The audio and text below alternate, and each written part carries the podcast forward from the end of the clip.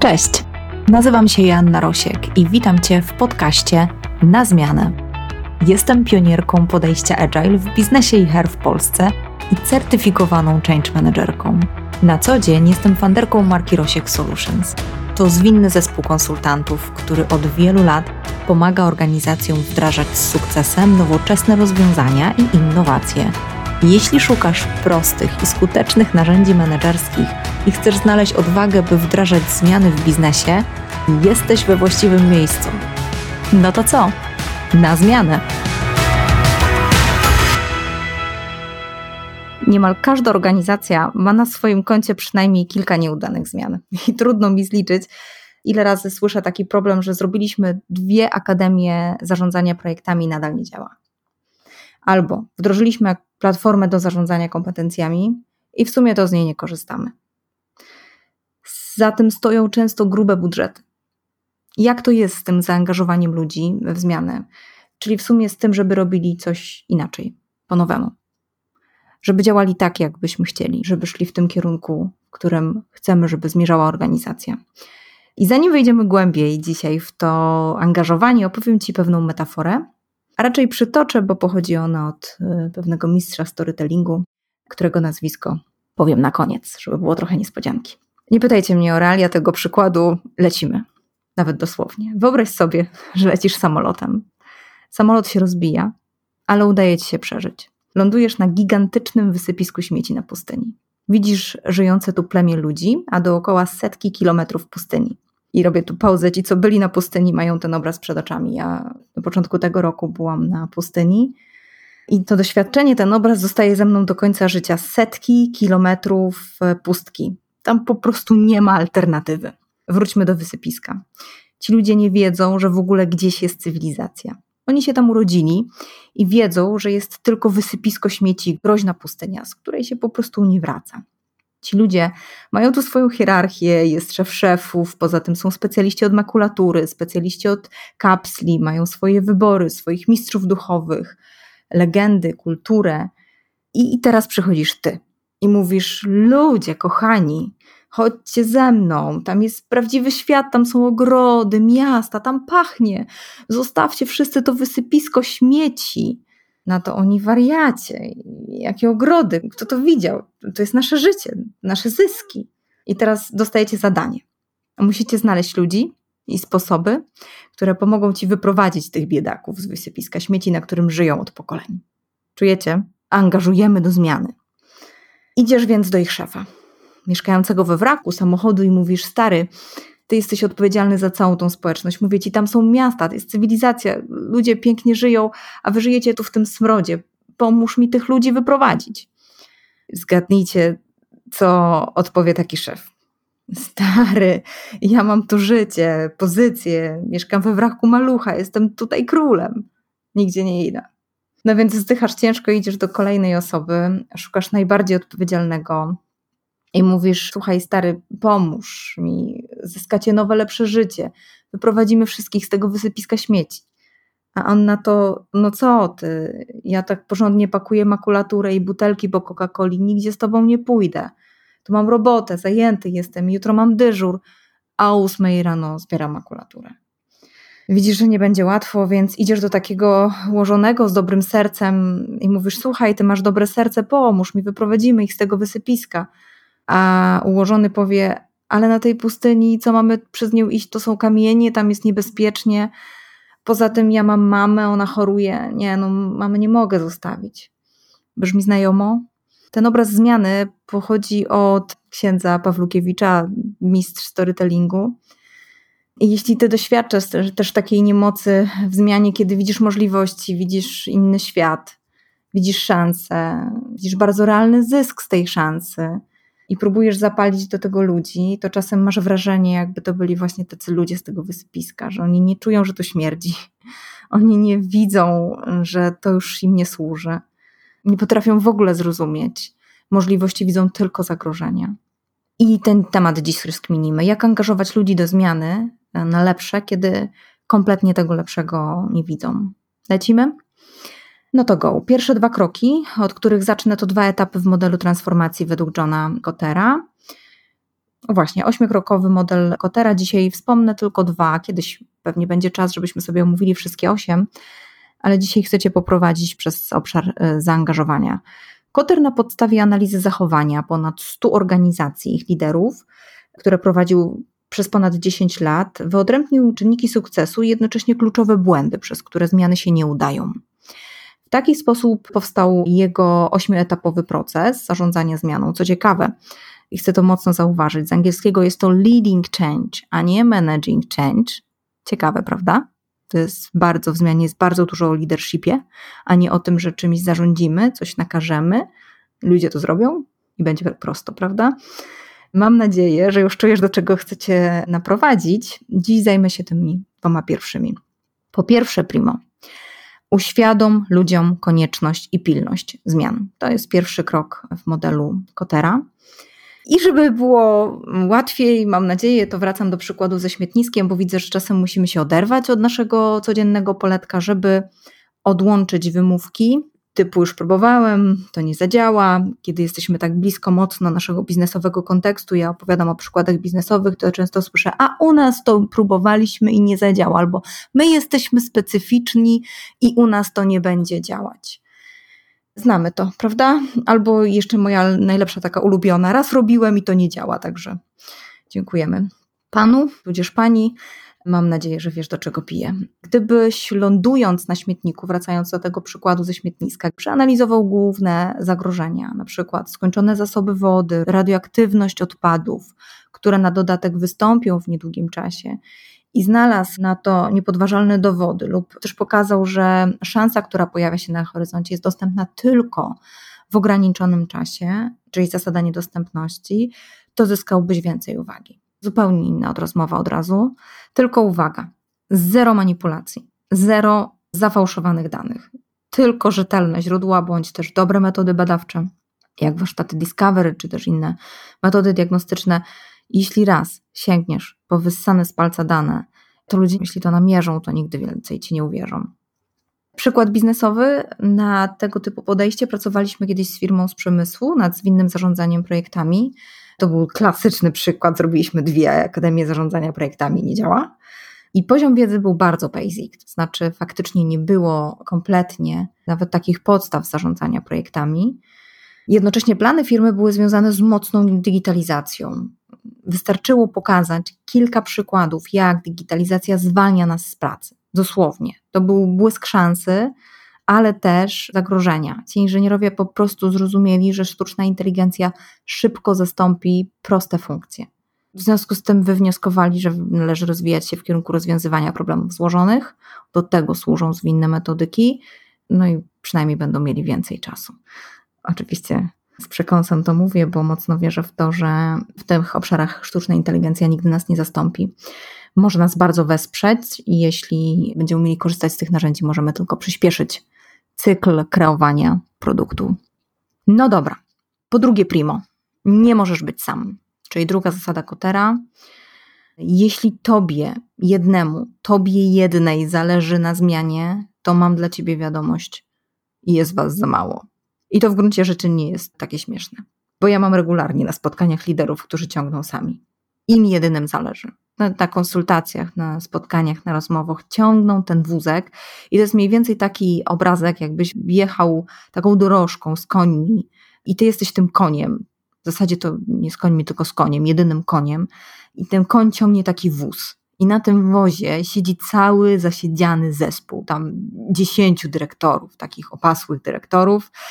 I wybaczcie mi to opasłych, ale tutaj używam tego specjalnie, żeby przerysować ten obrazek i ani na chwilę nie przyłożą się do tego, żeby ci pomóc ciągnąć ten wózek. Jeszcze się dziwią, że w ogóle y, tobie jest tak ciężko, a ty się dziwisz, że tobie jest tak ciężko. Naprawdę wierzcie mi, że bardzo często widzę takich dyrektorów. Nie wiem czemu, bardzo często dyrektorów HR. I jakie jest na to rozwiązanie? Zanim zaczniesz wdrażać jakąkolwiek zmianę, zbuduj silną koalicję liderów. To krok drugi w modelu Kotera jak to zrobić, bo to jest to tak łatwo, ja wiem, że to tak łatwo powiedzieć, ale to jest jedno z najtrudniejszych wyzwań w biznesie. I teraz sześć takich, siedem, lubię liczbę siedem, w naszym rośkowym modelu też jest siedem etapów, więc siedem podpowiedzi, jak to zrobić. Po pierwsze, zidentyfikuj właściwe osoby o uzupełniających się kompetencjach, pokrywające wszystkie kluczowe obszary zmiany.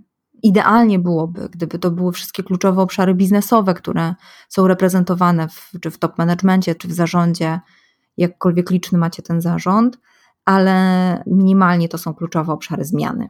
Znajdzie się jedna dziura, to znaczy jedna osoba, która nie jest zaangażowana, i to jest już jeden wyciek. Często słyszę, że to tylko jedna osoba, że dobra, damy sobie radę, najważniejsza jest ta większość, ale to tak jakby powiedzieć, że woda na statku wypływa tylko przez jedną dziurę. I jeśli jest w zespole na przykład, tak żeby sobie to zwizualizować, jeśli w zespole jest 10 menedżerów i jeden jest niezaangażowany, to tak jakby na statku dziura była wielkości jednej dziesiątej statku i my się nie przejmujemy, to jest tylko jedna dziura. Tam woda tylko przez jedną dziurę wypływa. I płyniemy dalej, prawda? To nic, że statek się topi, ale płyniemy dalej. Więc ten punkt pierwszy, zidentyfikuj właściwe osoby o uzupełniających się kompetencjach, jest takim punktem, który pomoże ci zadbać o różne perspektywy w tej zmianie, o to, że nie będziesz sam patrzył na zmianę tylko z własnej perspektywy. Druga podpowiedź: upewnij się, że wszyscy jednakowo rozumiecie wizję zmiany i jej konieczność. Zwykle jest tak, że wszyscy kiwają głowami, że rozumieją, ale nie rozumieją. Pytaj więc, co zrozumieli. Najlepiej zrób to indywidualnie, nie, niezbyt dobrze sprawdzają się spotkania pod tytułem przesłuchanie, bo wtedy na pewno wszyscy będą kiwać, że zrozumieją, a i tak nie będą rozumieć.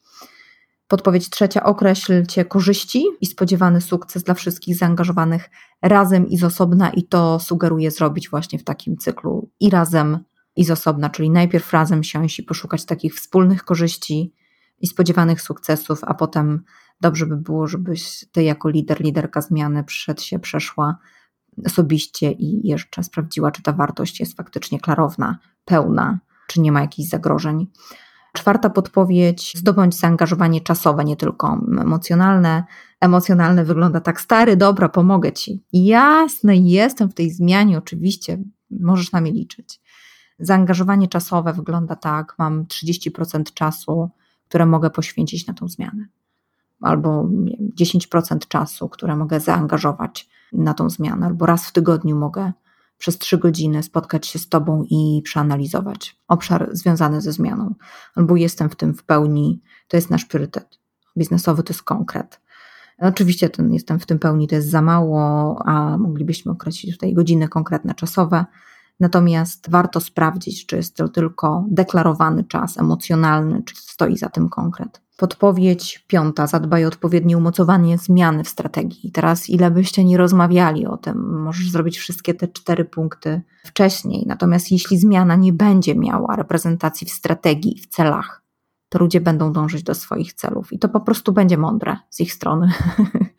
ludzie, przepraszam, powiem to tak łopatologicznie, ludzie nie są głupie. Ludzie po prostu wiedzą, do jakich celów dążyć, żeby mieć z tego zysk i tutaj trzeba zadbać o odpowiednie umocowanie zmiany. Nikt nie ruszy przysłowiowego tyłka, jeśli nie będzie jej w strategicznych celach. Co więcej, punkt szósty, podpowiedź szósta, odnoś się do tej zmiany tak często, jak to możliwe, bo to, że powiesz raz, nie wystarczy. Jeden z najczęstszych błędów komunikacyjnych polega na tym, że wierzymy, że się zadziała. To znaczy, raz powiemy i ludzie będą wiedzieć. A tymczasem jest tak, że ludzie zaczynają nas słuchać, gdy ty masz już dość mówienia. To wtedy wreszcie są jakieś pierwsze objawy tego, że okay, dotarło, że to jest ważne. Podpowiedź siódma. Przedyskutujcie wszystkie ryzyka i inne punkty widzenia. To poszerzy perspektywę zmiany i tu warto dać takie naprawdę spore pole do tego, żeby w absolutnej zgodzie na to, żeby wywalić po prostu bebechy totalnie, wszystkie ryzyka bez odnoszenia się. Ale to nieprawda, nie, to nie wystąpi, czy bronienia się, że z takim poczuciem, że jak ktoś wyrzuca to ryzyko, to znaczy, że nie wierzy w zmianę i od razu nam ją zablokuje. Ok, to siedem podpowiedzi do punktu drugiego. Podsumuję. Mieliśmy punkt pierwszy: uświadom ludziom konieczność i pilność zmian. Potem punkt drugi: zbuduj silną koalicję liderów. I to załatwia nam pierwsze dwa kroki modelu Kotera. Po trzecie, primo ultimo, w naszym temacie angażowania, i zakładam, że po tym punkcie nie będziesz chciał mnie słuchać, będziesz chciał wyłączyć ten podcast, ale nie rób tego. Ponieważ ta zasada brzmi najpierw słuchaj. i badaj doświadczenia, zanim cokolwiek będziesz gadać. I ja wiem, że teraz pojawia się w głowie Joanna, ale jak ja mam znaleźć czas, żeby jeszcze tych ludzi słuchać? To oni powinni mnie słuchać. No to posłuchaj. Ciągniemy za sobą coś od ponad 100 lat. Nie możemy wyjść z tej spuścizny, która nazywa się Tayloryzm, a warto to porzucić. To jest przełom w ogóle XIX i XX wieku. Kończyła się druga rewolucja przemysłowa, w Stanach Zjednoczonych pojawiły się wielkie korporacje, a kierownictwo stanęło przed problemem, jak w ogóle zarządzić takimi gigantami. I wtedy do akcji wszedł Frederick Winslow Taylor. Przez wiele lat pracował w przemyśle ciężkim, awansował pracując kolejno jako robotnik, sprzedawca, szef ekipy, brygadzista i wreszcie jako główny inżynier. I doświadczenia, które uzyskał w tamtym czasie, były dla niego niepokojące, ponieważ sposób wykonywania pracy był bardzo zróżnicowany w zależności od osoby. Niektórzy ludzie byli całkiem biegli zawodowo, inni jednak nie. I po opuszczeniu firmy Taylor poświęcił resztę swojego życia na eliminowanie nieefektywności w przemyślany i systematyczny sposób. Warto jednak zaznaczyć, bo to rzadko które źródło wspomina, że nie w zbyt dobrych relacjach z managementem opuszczał firmę, dając też w ten sposób początek nauce o zarządzaniu, zwanej potem Tayloryzmem. Co zyskaliśmy dzięki temu?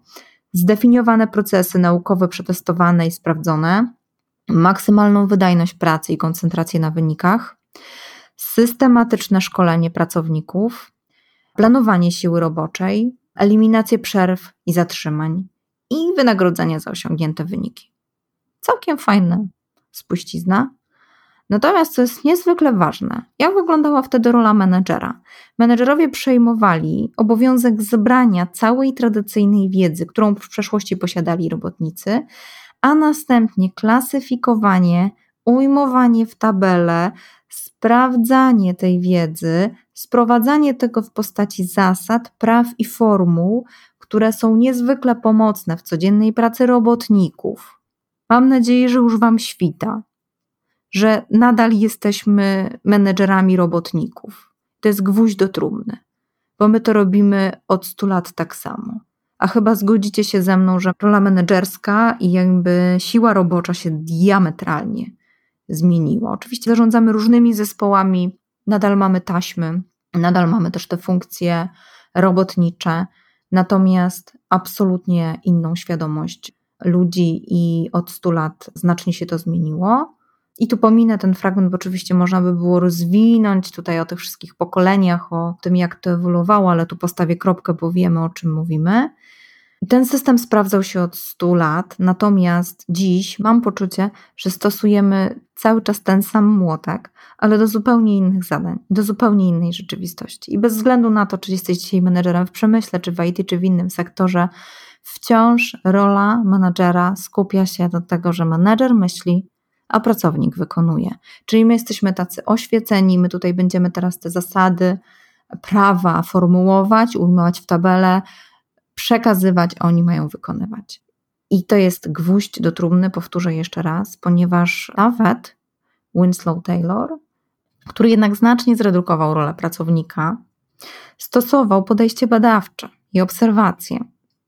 Dlaczego zapomnieliśmy więc o podejściu badawczym, o serii eksperymentów, o obserwacjach, a zostawiliśmy sobie tylko mądrzenie, nadawanie, postawę ja wiem lepiej, nie znam się, ale się wypowiem, i powiem ci, jak masz zrobić. Powiem więcej, widziałem więcej.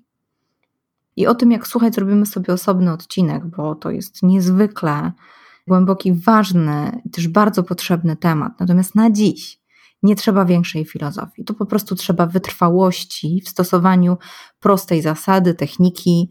To jest taka skomplikowana nazwa tej techniki, więc uwaga, powtórzę ją wyraźnie. Shut the fuck up.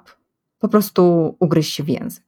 Tylko, że oczywiście wypowiedziana do siebie. Z jedną z najważniejszych umiejętności menedżera w zmianie jest umiejętność ugryzienia się w język, zanim nie zadasz pytań, zanim nie posłuchasz i nie pogłębisz. I teraz podam te pytania, za chwilę przeskoczymy z powrotem, chociaż może ja będę podawała te pytania, a ty już myśl o tym śmietnisku, dobrze? Jakie są dziś Twoje wyzwania? Z czym się głównie mierzysz? Co się u Ciebie ostatnio zmieniło? Jakie widzisz niewykorzystane szanse?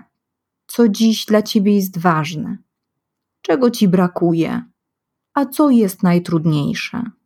No i na koniec może dziękuję Ci, że się tym ze mną podzieliłeś, podzieliłeś. To oznacza, że w swoich działaniach powinniśmy uwzględnić to, to i to. No i to uwzględniasz oczywiście, czyli to dostarczasz. Wracam do śmietniska. Wyobraź sobie, że zadajesz ludziom to pytanie, zamiast iść i przekonywać od razu. Gadać swoim językiem, z własnej perspektywy, szukać ludzi i podpowiadać im, co mają robić. Ty po prostu wiesz, co im dolega, wiesz, co jest dla nich ważne, wiesz, dlaczego mieliby chcieć stamtąd wyjść. I wiesz, ja często słyszę od menedżerów, przecież ja zawsze pytam ludzi, co u nich słychać, i oni mówią, że okej, okay, że ciężko w ogóle wyciągnąć od nich, co u nich słychać, tylko potakują. Często rozmawiamy jeszcze, słyszę. tylko to jest perspektywa menedżera, że często rozmawiamy, bo zwykle widzę, że to jest nadawanie, a nie rozmowa. I ja podnoszę tu rękę, też mówię guilty, Oczywiście, że wpadam w ten tryb i często łapię się na tym, że no kurczę, no przecież miałam najpierw zapytać i posłuchać. I gdy prowadzimy warsztaty odkrywcze, tak warsztaty Discovery, które są pierwszym krokiem, kiedy diagnozujemy stan organizacji, gotowość organizacji do wprowadzania zmian i innowacji, to jedną z najczęstszych reakcji, taką absolutnie charakterystyczną, jest takie zaskoczenie, że ktoś nas wreszcie słucha że wreszcie ktoś dał im przestrzeń do wypowiedzenia się. Im, czyli ludziom. Otwieramy oczy ze zdumienia, jak ludzie chcą się dzielić informacjami i jakimi informacjami się z nami dzielą. I jednocześnie otwieramy jeszcze szerzej oczy ze zdumienia, kiedy oni mówią, że nigdy tego nie mówili osobom z wewnątrz organizacji. I tutaj mocno się zgadzam z Tomkiem Zielińskim, który współtworzy Fundację Usłyszeć na Czas. Serdecznie polecam wszelkie kursy Tomka. Jednym z nich jest bodajże, jeśli dobrze przytoczę tą nazwę, rodzic wszystko wiedzący, słodko pierdzący. Szkoda, że Tomasz nie prowadzi takiego kursu jak menedżer wszystko wiedzący, słodko pierdzący, bo miałby spory biznes do zrobienia. Tomasz mówi, że nie ma ludzi zamkniętych, są tylko niewysłuchani. I w tym kontekście angażowania chcecie tutaj mocno przytrzymać. Popatrzymy na to słuchanie z perspektywy pięciu założeń zarządzania zmianą według metodyki ProSci, natomiast dzisiaj zajmę się tylko trzema, żeby poprowadzić Cię do tego, żebyś wiedział, dlaczego to słuchanie jest takie niezbędne i żebyś je przestał słuchać, albo żebyś zaczął słuchać. Pierwsze założenie zarządzania zmianą. Zmiany wdrażamy z jakiegoś powodu. A czy ty znasz powody, dla których zaangażują się twoi ludzie? Daję tutaj oczywiście czas do namysłu. Tylko wiesz, ja nie mówię o tych powodach takich good reason, czyli taki dobry powód. Bardzo czasem lubię sięgać po angielskie nazwy, bo one są takie, nie mam poczucia, że głębsze to nie są te powody, o których ludzie głośno mówią, ale o takim true reason, czyli takim głębszym powodzie, czyli prawdziwy powód. Podam przykład. Menedżer, który zaangażuje się w zmianę, bo widzi, że cały zespół w to idzie i to jest jego good reason, ale jego prawdziwy powód to jest chęć awansu na wyższą rolę i on o tym nie powie ale zaangażuje się w tą zmianę, bo jeśli ktokolwiek zobaczy, że on zostaje poza zespołem zarządzającym, to mimo, że nie jest przekonany, będzie szedł z zespołem, bo inaczej obawia się, że wypadnie z koalicji liderów i jednocześnie nic z awansu. Jak docieramy do prawdziwych powodów? Zgadnij. Słuchamy. Nie tołkujemy do głowy ludziom prawdziwych powodów. Niby to oczywiste, ale jakby przyjrzyj teraz działania swojej organizacji. Ile czasu poświęciliście ostatnio na słuchanie, badanie, docieranie do prawdziwych powodów, angażowania ludzi, wywiady, fokus grupy, mapę empatii, a ile na tołkowanie, to znaczy na komunikację, co jest ważne, na maile, przemowy, expose, komunikaty, plakaty, hasła, kampanie. I tu zostawię Ci trochę czasu, bo zakładam, że jest tego wcale nie mało. Zmiany wdrażamy z jakiegoś powodu. Klucz to wiedzieć, z jakiego powodu ludzie chcą wdrażać zmiany. Drugie założenie zarządzania zmianą to zmiana na poziomie organizacji wymaga zmiany na poziomie indywidualnym. A ty na którym poziomie się koncentrujesz? Czy nie jest przypadkiem tak, że mówisz: Ja pracuję tylko z menedżerami, ja pracuję tylko z zarządem, pracownicy to już tam menedżerowie sobie się nimi zajmują. Otóż to jest Twój biznes, jaka jest suma zachowań indywidualnych w całej organizacji. Bo z tego się bierze wynik zmiany. I to jest matematyka. Jak dotrzeć do tej wiedzy? Jest mnóstwo sposobów, które zakładam, że macie. Ankiety, serweje, puls checki. Tylko albo nie wykorzystujecie, albo wykorzystujecie za często i ludzie już ich nie traktują poważnie. Albo też słyszą, że ma wyjść dobrze, bo wynik w centrali musi się zgadzać. I po badanku. Polecam bardzo. Wszelkie metody badawcze, jak fokus grupy czy wywiady. My w Rosiek Solutions mamy taki etap, który uznajemy za fundamentalny, kluczowy do tego, żeby wypracować jakiekolwiek rozwiązania. Więc mamy warsztat Discover, o którym już wspomniałam. I tam jest cały arsenał narzędzi diagnostycznych, facylitacji, rozmów i pogłębiania, który powoduje, że po prostu wychodzimy ze świadomością tego, co jest potrzebne do zmiany i jeszcze na dodatek wiemy, co jest ludziom potrzebne do tego, żeby się zaangażowali w tą zmianę. Punkt pierwszy, zmianę wdrażamy z jakiegoś powodu. Punkt drugi, zmiana na poziomie organizacji wymaga zmiany na poziomie indywidualnym. Cały czas mówimy o założeniach zarządzania zmianą według metodyki ProSci. Trzecie założenie zmianą, rezultaty zmiany w organizacji są zbiorowym efektem zmian na poziomie indywidualnym. Czyli z jednej strony zmiana na poziomie organizacji wymaga zmiany na poziomie indywidualnym, ale z drugiej strony rezultaty zmiany od tego zależą. I teraz, jeśli ty na co dzień chodzisz i mówisz, bo my nie mamy wyników, bo chcielibyśmy mieć więcej wyników i koncentrujesz się na tym wysokim poziomie, no to chcę ci powiedzieć, że tutaj mamy trzy aspekty. Po pierwsze, zasięg zmiany, czyli jak wielu ludzi się zaangażuje. A jak wielu ludzi wysłuchacie?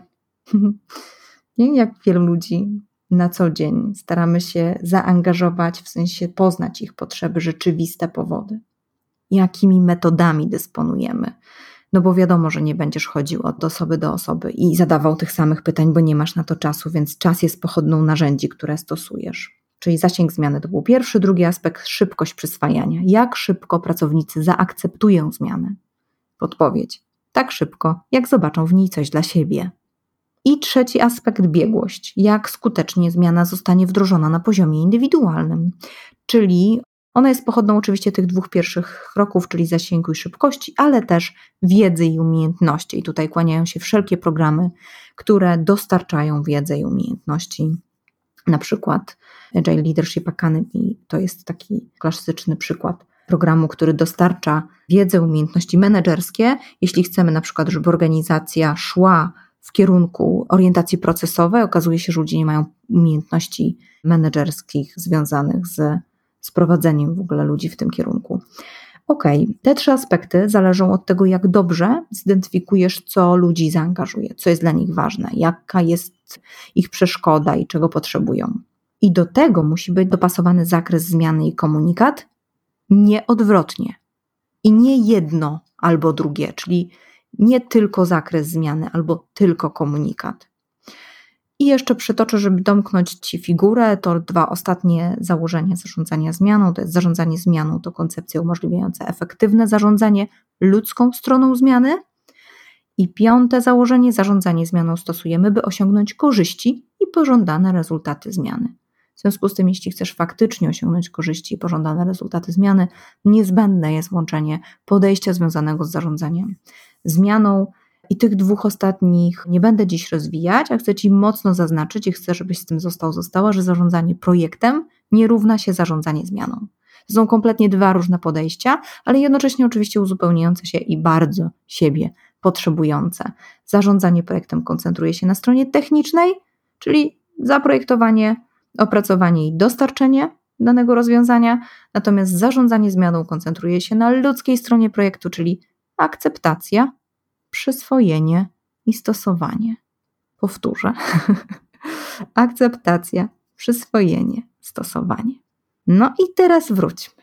do naszego pytania, bo jeśli my zastanawiamy się, dlaczego ludzie się nie angażują, a dołkujemy im w projekcie zaprojektowane, opracowane i dostarczone rozwiązanie, bez absolutnego podejścia change management, czyli zarządzania zmianą, tam gdzie mówimy o akceptacji, przyswojeniu i stosowaniu, gdzie sięgamy jednak do potrzeb, gdzie sprawdzamy, co się musi zmienić na poziomie indywidualnym, co ludzie muszą chcieć robić inaczej, żeby robili coś inaczej, no to nie mamy szansy na sukces. A tutaj jedno plus drugie oznacza sukces, czyli zarządzanie projektem i zarządzanie zmianą połączone w całość dają nam sukces. Rozdzielmy więc teraz te cztery elementy, dobra? Strategia i kierunek zmiany powiązany z koniecznością biznesową, czego to wymaga od ludzi i zmiany jakich nawyków, to jest druga rzecz. Trzecia rzecz, co jest w tym dla mnie, co mnie zaangażuje. I czwarta, jak to wszystko zakomunikować, by ludzi zaangażować. Jak wygląda zarządzanie zmianą i projektami w organizacjach? Punkt pierwszy, punkt czwarty, kropka. Czyli strategia kierunek zmiany powiązane z koniecznością biznesową i jak to wszystko zakomunikować, by ludzi zaangażować. Pomijamy. Czemu to wymaga od ludzi? Zmiany jakich nawyków i co jest w tym dla mnie, dla człowieka, co go zaangażuje.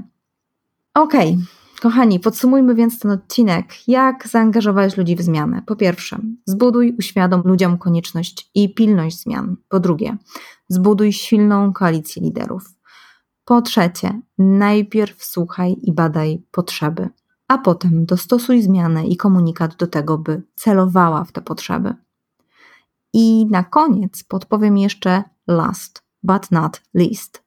Moi drodzy, sam się przygotuj do drogi, żebyś nie był tym koniem, co ciągnie tych dyrektorów na tym wozie. sam, sama. Popatrz na swoje zaangażowanie. Sięgnij po swoje potrzeby, na to, co ciebie zapala, co ciebie zaangażuje, jak masz naładowane baterie. Ty też, liderze, liderko zmian, jesteś w tej zmianie, nie tylko ci, którym tę zmianę fundujesz. Dbaj o siebie. Okej. Okay. To na koniec jeszcze typowy biznesowy przykład, żeby nie było, że my tu odlecieliśmy na jakieś śmietnisko abstrakcyjne, chociaż kiedyś opowiadałam ten przykład znajomej i uśmiałyśmy się, bo mówi, że po prostu wypisz, wymaluj jej firma. Także mam nadzieję, że wy macie jednak lepsze przykłady firm i tak nie śmierdzi. Więc na koniec przykład biznesowy. Pracowaliśmy z firmą, która przyszła do nas, gdy zrealizowała dwie akademie zarządzania projektami. I obie nie zadziałały, więc sfrustrowana szukała dla siebie trzeciej akademii. O dziwo, prawda? Dwie nie zadziałały, no to szukamy trzeciej. To może tak trochę więcej szczegółów. Firma z obszaru przemysłu, około tysiąca osób. Tak może będę trochę, że tak powiem, zaokrąglać dane, żeby się tutaj nikt nie domyślał. I ten problem taki mocno sfrustrowany, bo wyobraźcie sobie sytuację firmy, która wydała budżet dla menedżerów na dwie akademie zarządzania projektami. Jak się domyślacie, to też był jakiś czas na wyjazdy, budżety, na sale konferencyjne, no, zaangażowanie spore i nie działa, to oznacza, też mocno wyeksplorowałam ten obszar, co to znaczy u nich, że nie działa, to znaczy, że nie realizują projektów. Firma realizuje rocznie ponad 200 projektów, w związku z tym skala jest bardzo duża, skala tej potrzeby jest bardzo duża. I co zrobiliśmy? Przypominam, że jesteśmy w obszarze, jak angażować ludzi, jak to trochę szczegółowiej wyglądało. Firma po pierwszej akademii, kiedy dostarczona została wiedza dotycząca zarządzania projektami, no to co zrobili ludzie? Ludzie poczekali, aż cały management zapomni, że dostarczyliśmy nową wiedzę dotyczącą zarządzania projektami i co się stało po pół roku? Zapomnieli. Ale niestety się komuś przypomniało. Niestety, niestety, faktycznie brak efektów i wydany budżet kogoś tutaj mocno przepilił. W związku z tym po drugiej akademii zrobili jeszcze jedną rzecz, żeby nie było, że to samo. Zrobili taki skrót z całego procedury zarządzania projektami, tak żeby ludziom było łatwiej. I zgadnijcie, co się stało. Ludzie znowu poczekali pół roku i znów przestało działać. W związku z tym, wtedy, kiedy przyszła do mnie organizacja, zadałam pytanie, dlaczego szukają trzeciej akademii. Zbadaliśmy sobie wszystko, co poszło nie tak, przeanalizowaliśmy dokładnie powody, czego ludzie nie robią, albo czego ludzie nie wiedzą, co mają robić, czego się boją. Te pytania, które dzisiaj Wam w podcaście podawałam, to w gruncie rzeczy bardzo trafne pytania, te, które zadałabym ludziom ze śmietniska. Między innymi jedną z kluczowych rzeczy, jakie odkryliśmy, to to, że nie potrafią przeanalizować ryzyk w projekcie. Może jeszcze jedną rzecz, taka strata klienta, która bolała najbardziej, to na przykład zakup maszyny za 200 tysięcy złotych, która stoi nieużywana, bo okazało się, że nie rozwiązuje problemu. Więc nie dość, że wydane środki na akademię, to jeszcze wydany budżet na nietrafne rozwiązania, wcale nie tanie. W związku z tym, gdy odkryliśmy, że temat w dużej mierze leży w tych najwcześniejszych etapach e, zarządzania projektami, a mianowicie w docieraniu do sedna problemu, w definicji tego, co jest w ogóle sednem wyzwania, co nas boli i w czym leży problem, to okazało się, że przy pogłębieniu tego z zespołem oni po prostu nie dość, że nie mają narzędzi, umiejętności i wiedzy, to jeszcze, kiedy pojawia się mnóstwo okoliczności biznesowych, to zastosowanie nawet prostych narzędzi, które mieli dostarczone w poprzednich akademiach, było po prostu nieosiągalne, bo to nie było tak, że można było sobie po prostu zastosować prostą tabelkę i wszystkie problemy świata były rozwiązane potrzebowali konsultanta, który przejdzie z nimi przez realne wyzwania na realnym projekcie, z całym takim zespołem projektowym i to zrobiliśmy. Po prostu, czyli oparliśmy się o rzeczywisty problem, rzeczywisty ból, rzeczywiste wyzwanie i potrzeby z tym związane, dobrze określone na poziomie nie tylko chęci, i zaangażowania w projekt, ale okazało się, że to zaangażowanie wynikało po prostu z braku umiejętności zastosowania poszczególnych narzędzi, ale też, ponieważ poprzednie akademie nie były zwinne, tylko koncentrowały się na takim typowym waterfallowym zarządzaniu, więc myśmy tutaj dostarczyli zwinne narzędzia, które koncentrują się na dogłębnej, takiej gruntownej analizie problemów. Więc y, dostarczenie umiejętności, wiedzy i przejście z tymi narzędziami przez rzeczywisty projekt w organizacji rozwiązało sprawę po prostu. Dzisiaj chcę poprzez ten przykład pokazać, że grube budżety możesz oszczędzić poprzez prostą umiejętność słuchania i angażowania właśnie poprzez pierwszy ten krok. To słuchanie nie zawsze musi się odbywać w taki klasyczny sposób. Idę, siądę, zadam ci pytanie, no i teraz słucham. Czasem słuchanie w cudzysłowie to też jest obserwacja, to jest obserwowanie, analizowanie danych, to jest zbieranie tych danych, słuchanie poprzez dobrą analizę puls czeków Słuchanie to też wracanie do pracowników z podsumowaniem pewnych ankiet i patrzenie na reakcje, jak te podsumowania i feedback zwrotny czy informacja zwrotna idzie. To jest ciągły dialog z pracownikami, to jest słuchanie. Bez tego pierwszego kroku nie jest możliwe zaangażowanie.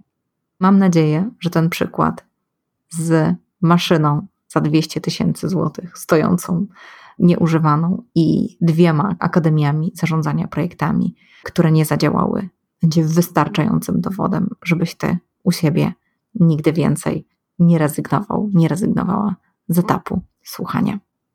Bardzo Ci dziękuję za ten czas spędzony ze mną i zapraszam Cię serdecznie na kolejny odcinek. No to co? Na zmianę!